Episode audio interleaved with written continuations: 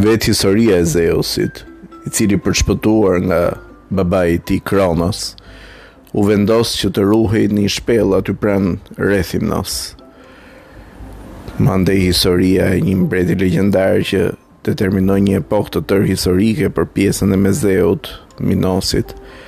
njohur si bir i Zeusit dhe ky dhe i Europës, i cili udhëhoqi për kohë këtë këtë ishull. Mandej historia e Minotaurit të famshëm i cili bënte kërdinë dhe ushqehej me bijtë e Athinës. Historia e labirinthit të famshëm ku lind koncepti i labirinthit ndërtuar nga arkitekti më i madh i njohur ndonjëherë, Dedali. Historia e heroit legjendar athinas, Tezeut, i cili arriti të mundte Minotaurin dhe ta vriste dhe të dilte nga labirinthi përmes fillit të Arianës. Pa fund histori. Pa fund histori antike, mitologjike, lidhen me këte ishull që quhet Kretë. Prima città ishte statusi që kryeqendra e Kretës, Heraklioni, njihet që ka patur gjatë mesjetës. Prima città ishte një status që i jepej vetëm vetë Venedikut, vetë Venecias, Askush nga kolonitë e tjera nuk e gëzonte këtë status të barasvlefshëm me vetë Venecian, dhe kolonitë kanë qenë pa fund. Qytete të tëra në Arbëri kanë qenë koloni veneciane, në Dalmaci, në, në Kroacinë e sotme, Dubrovnik, tjerë, tjerë. Por askush nuk e gëzonte këtë status. Fortesa Me rezistencën më të madhe ndaj pushtimit osman, 21 vite u deshën që të binte në duart e osmanëve. Dhe ai që arriti t'ia dorëzonte osmanëve Kretën,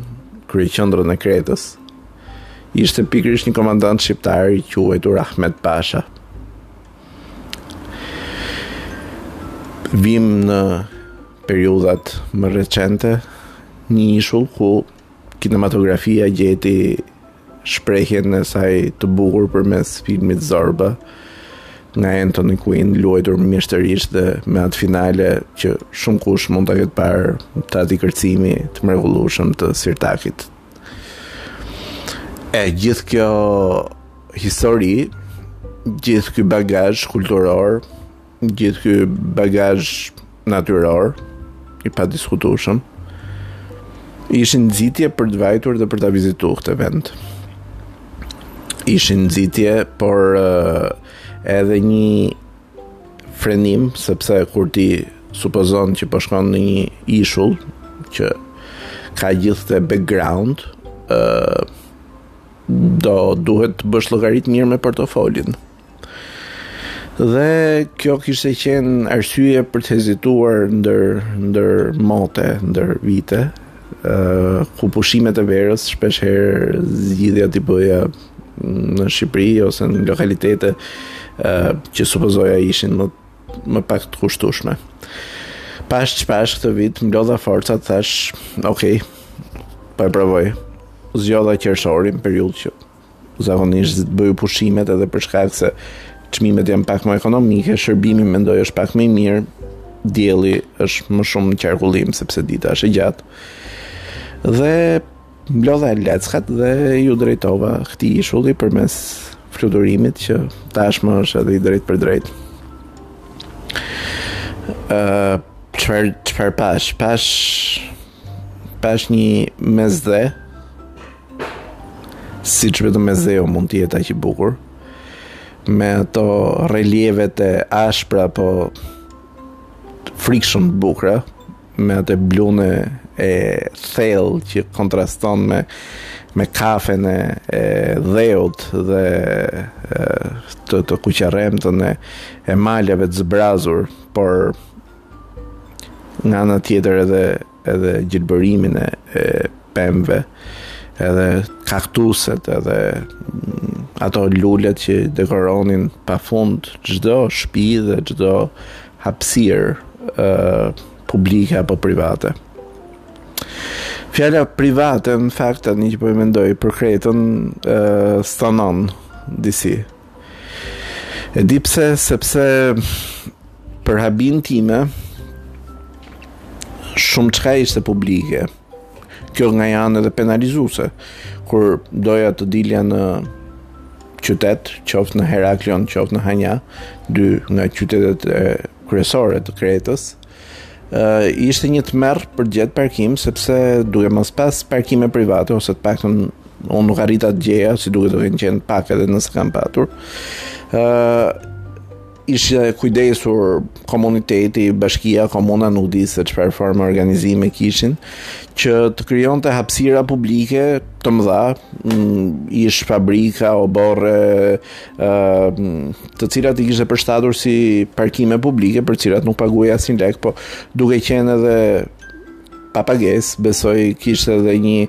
ë tendencë shumë jo frenuse për për të zënë vendin kushdo që kalonte dhe kishte kishte nevojë pikërisht për ë, për parkimin. Pra një moment shumë shumë i prekshëm i publikes ishte kjo që ti gjithë hapësirat që kishe ishin në dispozicion sepse vet Vetë administrata, vetë qyteti i kishte vënë në dispozicion të njerëzve, të turistëve, pa pagesë. Kjo krijonte ndoshta një lloj vështirësie, por por ishte interesante se si në një vend i cili është i 66-ti i vizituar në planet dhe i 22-ti në Europë, si qytet flas, të mos kishe nevojë të paguaje për të parkuar. Gjë që nuk para e gjen në Tiranë. Çfarë tjetër ishte publike? Plazhet. Plazhet janë nga më të bukurit në botë, besoj. Besoj se janë të tillë. janë të jashtëzakonshëm, por janë totalisht domin publik dhe ato pak të cilat ishin dhënë privatëve, flas pjesë plazhi ku mund të viheshin shezlonë nga privatët, të cilët administronin dhe ndonjë bar apo restorant aty dhe për këtë kishin shfrytzuar dhe një hapësirë ku ku kishin vendos uh, ato shezlonët e tyre, e gjitha hapësira në tërësinë e atij plazhi përbënte as një të dhjetën apo një të njëzetën, Dhe gjithë pjesa tjetër ishte publike. Dhe ky privat i cili kishte pas fatin apo kishte pas influencën apo kishte pas njohjet apo kishte gjetë mënyrën ë duke duke pagu kafet, ë, siç i mësuan neve me këto format, kishte një pasuri të madhe në dispozicion sepse duke pas një hapësirë të tij në një plazh siç mund të jetë ai i Elafonisit ose ai i Falasarna apo ai i Balos pra që janë vende përrallore, ë ky oligarku i, i Kretës kishte një tarifë që në plazhin më të mirë dhe më të bukur dhe që vizitohej nga gjithë anglezë, francezë, italianë, gjermanë, kishte një tarifë 20 euro për dy shezlonë dhe një çadër. Dhe gjithë pjesa tjetër ishte hapësirë e lirë ku ti Mund të vendosje çadrat, mund të vendosje shezlonët. E, këtë hapësirën e lirë, sikundër në rastin e parkimeve që në Tiranë apo në bregdet e gjen dhe s'e gjen uh, mundësinë për të parkuar pa pagesë, atje ishte thuajse totalisht pa pagesë, mund të paktën nuk rastisa asnjë hapësirë, që duhet të paguaje për të parkuar. Uh, nga ana tjetër, mund të them që nga eksperienca e këtushme, jo vetëm hapësira të caktuara të plazhit që janë inekzistente për të qenë private, por edhe plazhet, edhe fshatrat, mbartin këto plazhe në në në gjirin e tyre, në, në barkun e tyre, siç janë plazhet e bregdetit tonë, që janë dhe riviera e famshme e jugut. Sot nuk janë më le të themi pjesë e territorit shqiptar, për sa kohë janë kthyer si si si feude të vogla në pronësi të personave të caktuar, të cilët kanë emër mbiemër dhe që Palasa ose mm, fshati zona e Palasës sot nuk është më një hapësirë publike mund të themi, po është pronë e një personi ose një grupi personash. Drimadhesi gjithashtu, Dhërmiu diçka më pak për të vajtur mandej në në zona të caktuara, të gjitha kanë nga një nga një emër apo një grup 3-4 emrash që janë gati sot të zëvendësojnë emrat e dikurshëm Palasë, Drimadhes, Dhërmi, Himarë, Jalë, mm, nesër pasnesër Borsh, Qeparoi e kështu me radhë. Pra kontradikta është e jashtëzakonshme dhe është në absurd. Kemi të bëjmë në njërën anë pasuri të hatashme natyrore, siç mund të jenë plazhet e mrekullueshme të Kretës.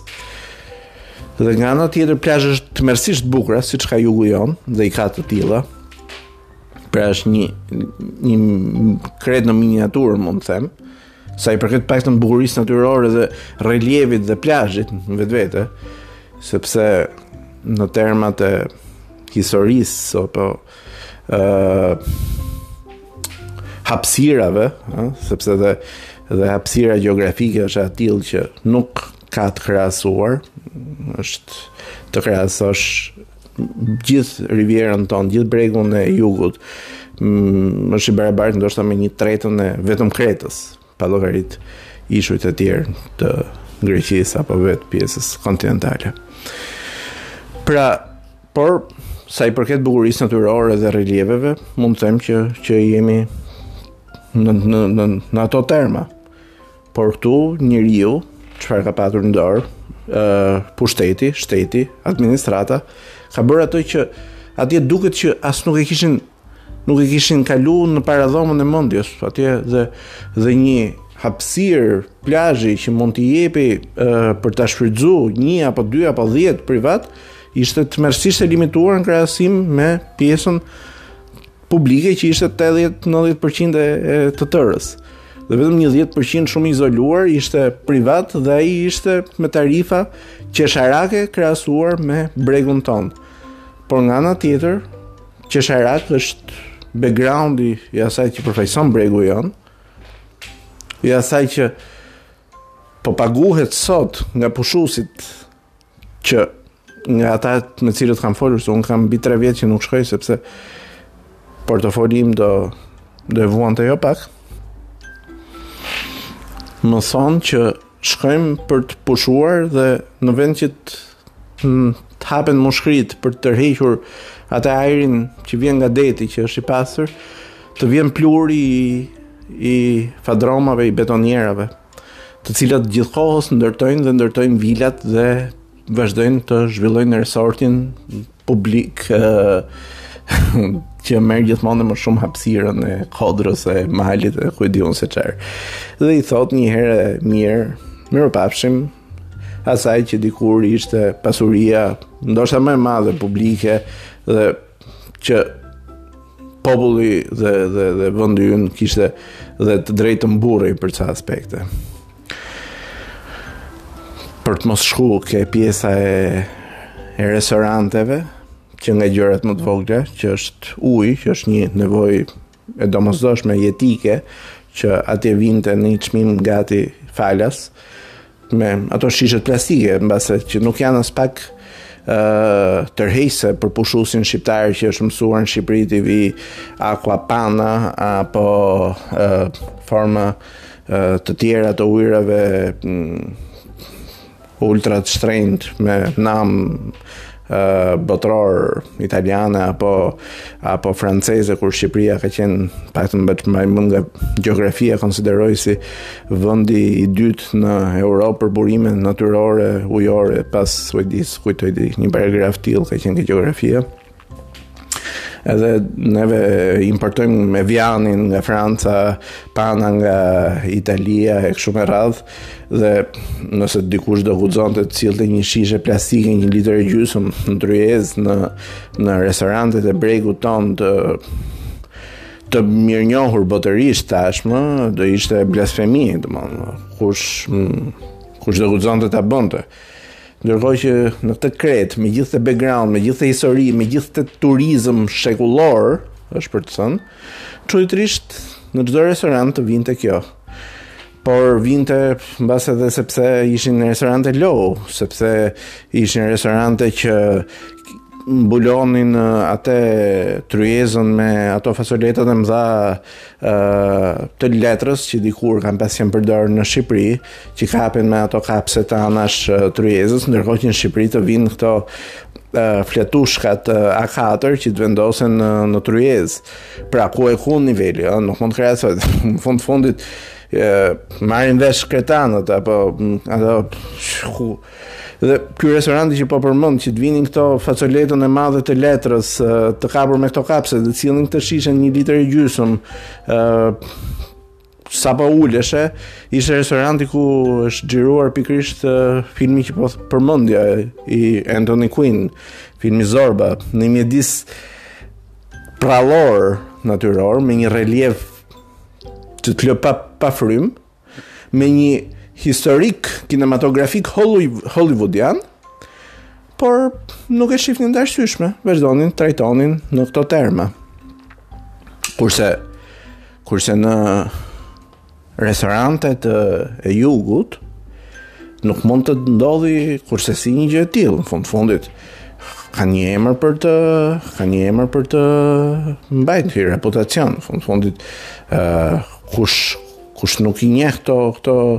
këto vende, këto vise, me gjithë atë histori që kanë, me gjithë atë traditë, me gjithë atë background, qoftë dhe kinematografik, më fal, po, si mund më sjellë Acqua Panna 3.500 lek apo 4.000 lek, që të shkojë praktikisht më shtrenjtë uji se sa pjata. Megjithatë janë kujdesur që pjatën të rrisin aq shumë, sa që uji prapë të duket më i lirë.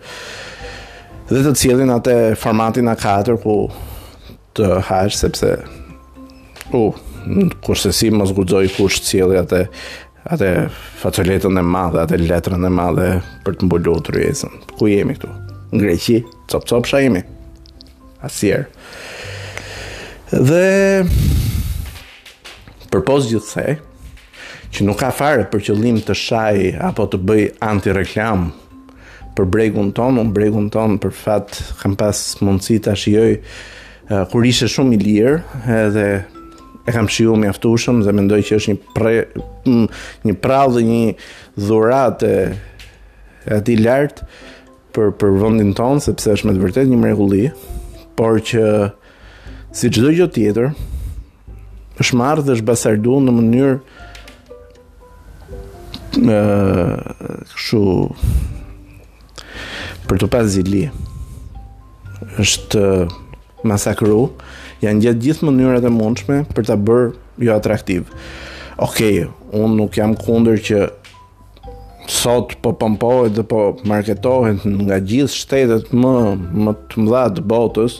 shkoni në Shqipëri, Shqipëria destinacioni i ri për t'u vizituar dhe realisht turistë ka pa fund, do nuk ecën dot rrugëve. Kështu që nuk do dal unë ta shaj e para sepse jam shqiptare, e dyta sepse kush jam unë fund fare për të fol përpara gjithë këtyre gjithë këtyre mjeshtrave të turizmit. Uh, por, di të them këtë, që për mendimin tim e para Shqipëria po marketohet uh, sepse ata të cilët janë sot zotër të këtyre territoreve, të cilat thashë për mendimin tim avash avash duhet të fillojnë të ndryshojnë dhe emrat e dikurshëm gjeografikë, pra të mos vijohet të, të përmenden Dhërmi, Himarë apo ku e di unë se çfarë fshatrat me radhë, por t'i t'i vihen emrat e rinj të pronarëve, ë, sepse këto fshatra sot kanë pronarë, grupe pronarësh dhe të gjitha bashkë, të gjitha bashkë gjithë Riviera dhe mbase gjithë Shqipëria ka një emër të një pronari të vetëm, që është djali ky është komplet mendimi im subjektiv dhe i stisur, sepse nuk kam asnjë bazë për ta thënë, por me kështu me me feeling, kur i thonë, Ë është një zotni, një djalë i ri që vjen shpesh këtu në Shqipëri dhe gjendet nëpër gjithë ceremonitë tona, në gjithë rrezat, gjithë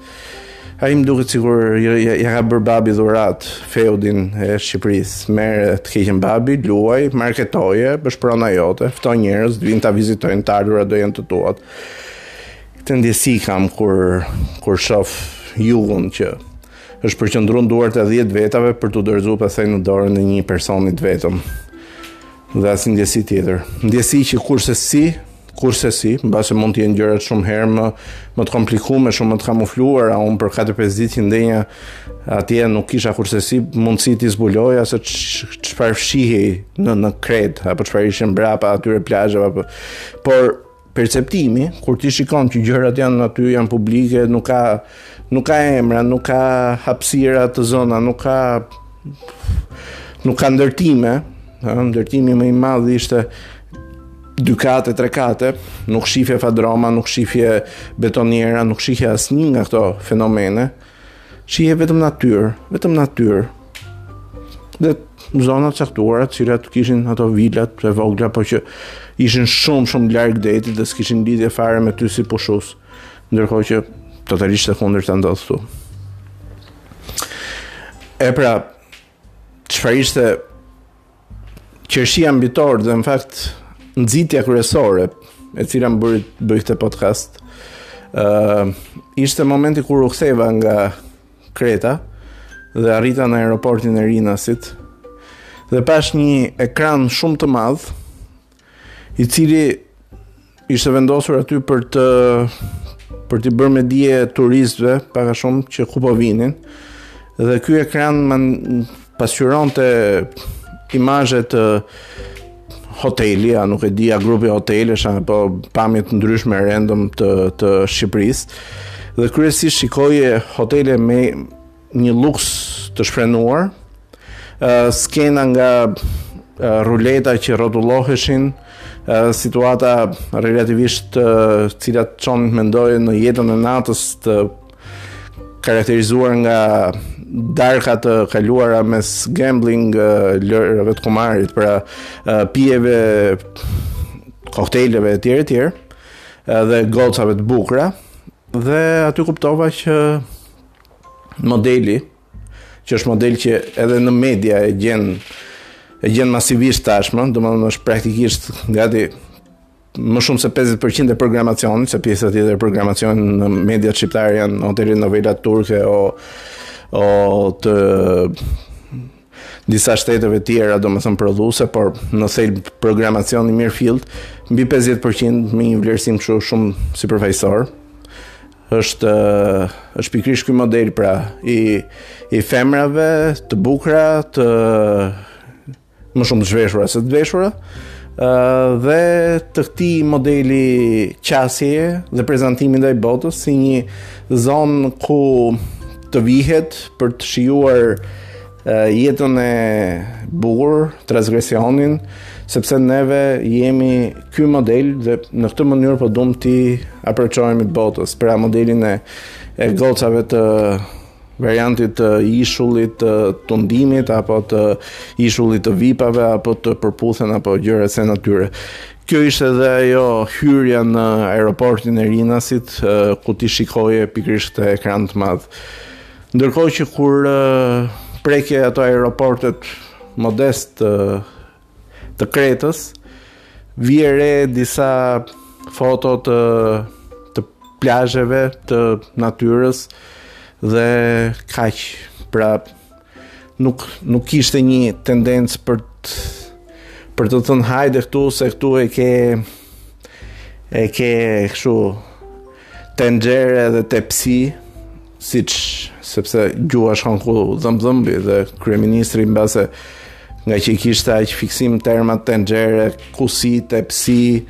ë uh, i kishte pikërisht sepse në thelbin e tij ajo çfarë ai ëndërron dhe çfarë vizioni ka dhe kishte për për këtë vend ishte pikërisht kjo e një tepsie, një kusie të madhe ku ti fut dorën dhe gjen gjen Makaun, gjen këto vëndet Dubain apo forma të tjera që nuk kanë pikën e lidhjes as me natyrën, as me qytetrimin, as me historinë, po kanë lidhje vetëm me tallavan që gjithmonë e më shumë është bërë imazhi i këtij vendi. Pra ky vend ofron këtë lloj gjëje. Ejani në Shqipëri sepse Feudi i zotërive apo i zotërisë së ri të këtij vendi ofron këtë lloj gjëje. Sillni paret tuaja këtu edhe shijojeni. Uroj shumë që ky vend të zhvillohet më shumë se sa Greqia, nuk më lidh absolutisht asgjë me Greqinë. ë por zgjodhëm mënyrën e gabuar për t'u prezantuar në botë. Kishim një shans, shans që na u dha pas 90-s për të krijuar një profil, për të krijuar një imazh me të cilin donim t'i prezantoheshim botës. Zgjodhëm atë të tallavas të zhveshjeve masive të kumarit dhe të një zone parajse për transgresionin. Mund të zgjidhim shumë gjëra të tjera. Me shpresë që ndoshta kjo të vijë akoma nga fukaralliku dhe nga ajo barkboshësia që kemi patur deri në 90-ën dhe akoma kërkojmë luksin sepse jemi ende Jemi ende bosh. Na kujtohet era e tualeteve kur deri në 1990-ën me furnella vajguri gatuhesh në tualetet e, e shtëpive dhe mbase pikërisht për këtë arsye kemi uri akoma për për luksin dhe për për gjërat e shndritshme dhe Dhe këtë model turizmi kështu alla Dubai, por do ishte shumë më e shëndetshme që si popull i lashtë që jemi, si popull që kemi një traditë, një kulturë shumë të hershme, të mos preferonim të qaseshim me këtë lloj modeli, por me një model më të qytetruar, ku të spikasin natyra e bukur, shërbimi i mirë, buzëqeshja dhe jo tangërllëqet, jo hotelet me super 17 yje, me pjatat tmerrësisht të shtrenjta, me shezlon nga 50 euro apo më shumë, me shishet e shampanjës edhe idiotësi të kësaj natyre. Mendoj se Shqipëria nuk kishte nevojë për këtë lloj imazhi. Megjithatë, çështje zgjedhjesh. Ju përshëndes.